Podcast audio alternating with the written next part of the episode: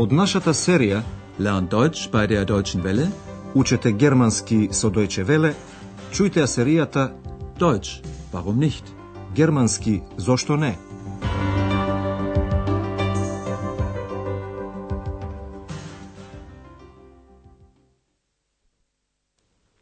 Драги слушателки и слушатели, денес ќе ја слушнете петата лекција од серијата 3 со наслов.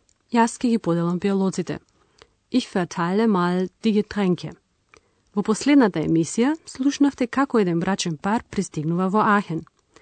Слушнете како тие прашуваат за картата на градот во еден центар за информации. Внимавајте на членовите der, die, das, ein и einen. Kann ich Ihnen helfen? Ja, gern. Haben Sie wohl einen Stadtplan? Ja, sicher. Sehen Sie, hier ist der Hauptbahnhof. Hm? Da sind Sie jetzt. Und das hier ist die Innenstadt. Sagen Sie, haben Sie denn schon ein Hotel? Ja, das Hotel Europa. Денес е посебен ден. Андреас го слави својот роден ден и како што е вообичаено за Германија, тој си покани неколку пријатели кај себе дома. Слушнете го сега првиот дел од роденденската забава. Пријателите му честитаат на Андреас и му ги даваат подароците. Гешенке. Концентрирајте се на прашањето. Какви подароци ќе добие Андреас?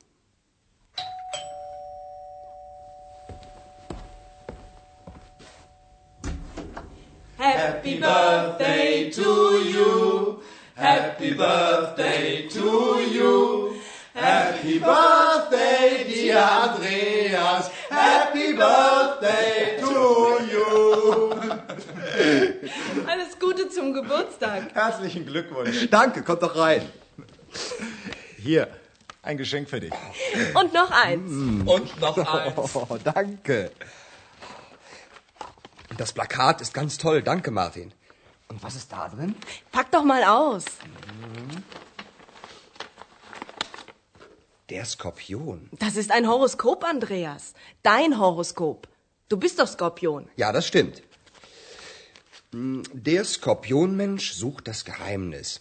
Er will hinter die Dinge sehen. Er möchte. Das musst du mal in Ruhe lesen. Und dann weiß ich alles über mich, oder? Vielleicht. Андреас отпакува два подарока. Еден плакат и еден хороскоп кој што го направила посетителката за него. Слушнете го почетокот на забавата уште еднаш внимателно. Првите пријатели што доаѓаат кај Андреас го поздравуваат со една англиска песна која во Германија често се пее на роден ден, а потоа му честитаат се разбира на германски јазик. Жената му посакува на Андреас. Се најубаво за роден ден. Alles Gute zum Geburtstag. И пријателот му честите на Андреас. Срдечни честитки. Herzlichen Glückwunsch. Андреас се заблагодарува и ги поканува гостите да влезат. Danke. Kommt doch rein. Еден пријател му дава подарок. Еве, еден подарок за тебе. Hier, ein Geschenk für dich. И другите двајца донесоа подароци. Еве уште еден. Und noch eins. Und noch eins. Андреас прво го отпакува подарокот од неговиот пријател Мартин. Тоа е еден плакат кој многу му се допаѓа. Das Plakat ist ganz toll. Danke, Martin. Андреас сака да знае што е другиот подарок. Тој е спакуван, а што има внатре? Und was ist da drin? Жената му вели, отпакувај го. Pack doch mal aus. Андреас го чита насловот. Шкорпија. Der Skorpion. Жената му направила на Андреас хороскоп. Денот и часот на раѓањето на еден човек се поврзуваат со некоја цвездена слика, како на пример со шкорпијата. На таа слика потоа и се припишуваат одредени карактерни особини. Андреас е роден во знакот на шкорпијата. Жената му објаснува на Андреас. Ова е хороскоп, твој хороскоп, па ти си шкорпија. Das ist ein Horoskop. Dein Horoskop. Du bist doch Skorpion. Андреас го потврдува тоа и започнува да чита. Човекот Шкорпија ги бара тајните. Тој сака да гледа зад нештата. Der Skorpionmensch sucht das Geheimnis. Er will hinter die Dinge sehen. Жената му предложува на Андреас тоа да го чита на мир. Das musst du mal in Ruhe lesen. Верувањето во астрологијата и хороскопите кај сите луѓе е различно. Андреас е малку недоверлив и вели и тогаш ќе знам се за мене или Und dann weiß ich alles über mich, oder? Андреас сега сепак повеќе сака да се погрижи за своите гости, отколку да се задлабочува во хороскопот.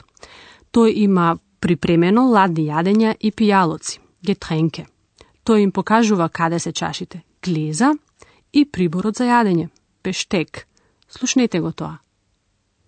Also, da steht das Essen. Toll, ich habe einen Riesenhunger. Und da sind Gläser und Besteck. Ich verteile mal die Getränke. Wer möchte einen Saft? Ich. Gibt's auch Wein? Aber klar doch. Möchtest du roten oder weißen? Ich nehme einen roten.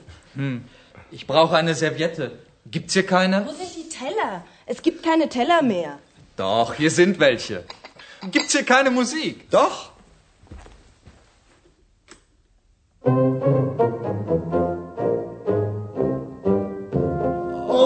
nein!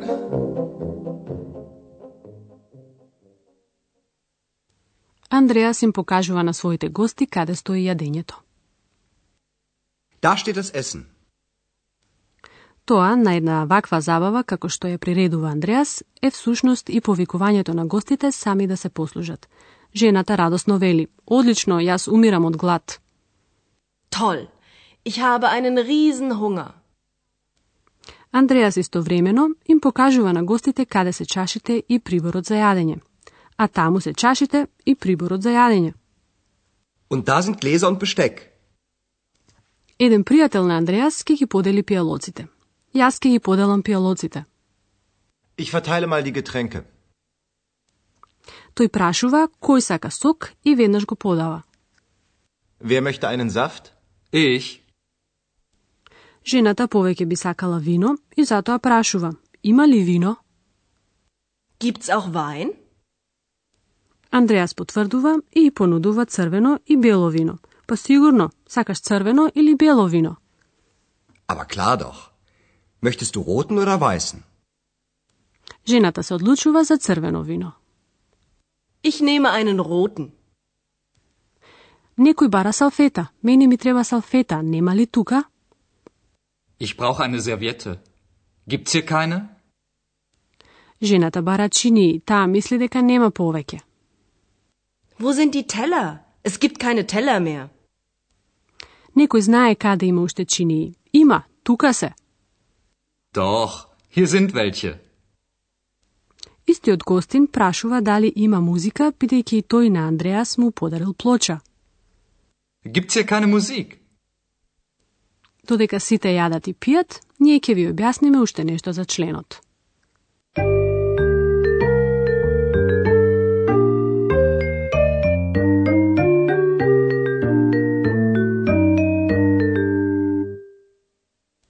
Формата во множина на одредениот член во номинатив и акузатив е секогаш ти. Die. Die Getränke. Ich verteile mal die Getränke. Во множина нема неодреден член. Именката стои без член. Додека пак ако се негира именката, тогаш се употребува негативниот член keine.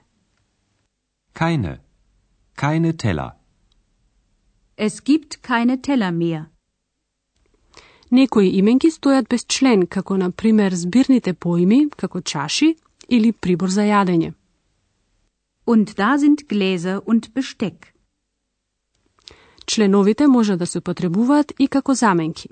Формите на членот како член и членот како заменка се најчесто исти. Меѓутоа, денес слушнавме две форми на членот кои се разликуваат, еднаш употребен како член, а другиот пат како заменка. Прво, именката во среденот со неодреден член се заменува со eins. Hier. Ein Geschenk für dich. Und noch eins. Именки во множина со одредениот член die се заменуваат со welche. Wo sind die Teller? Hier sind welche.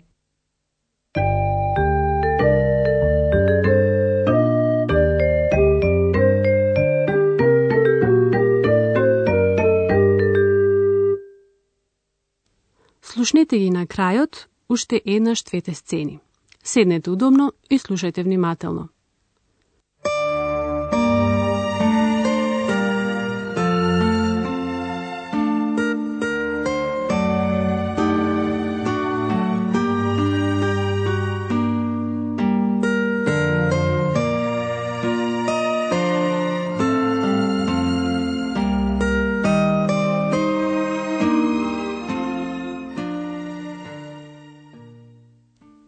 Пријателите му го честитаат роденденот на Андреас.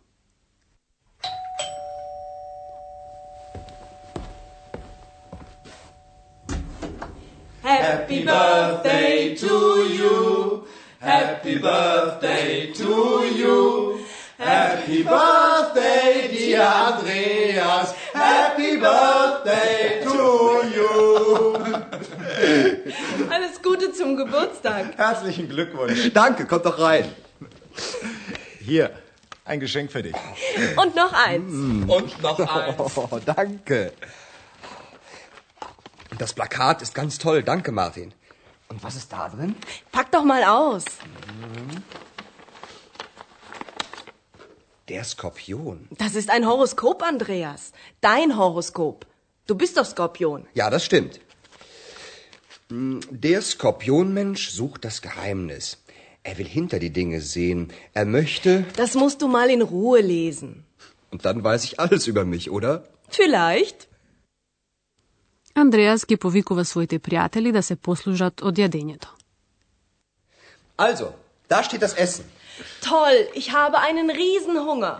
Und da sind Gläser und Besteck. Ich verteile mal die Getränke. Wer möchte einen Saft? Ich. Gibt's auch Wein? Aber klar doch. Möchtest du roten oder weißen? Ich nehme einen roten. Ich brauche eine Serviette. Gibt's hier keine? Wo sind die Teller? Es gibt keine Teller mehr. Doch, hier sind welche. Gibt's hier keine Musik? Doch.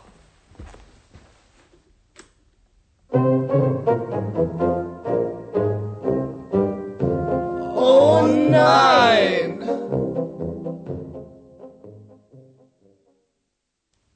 Последната емисија ќе чуете една посебна роденденска приказна. До тогаш, до слушање.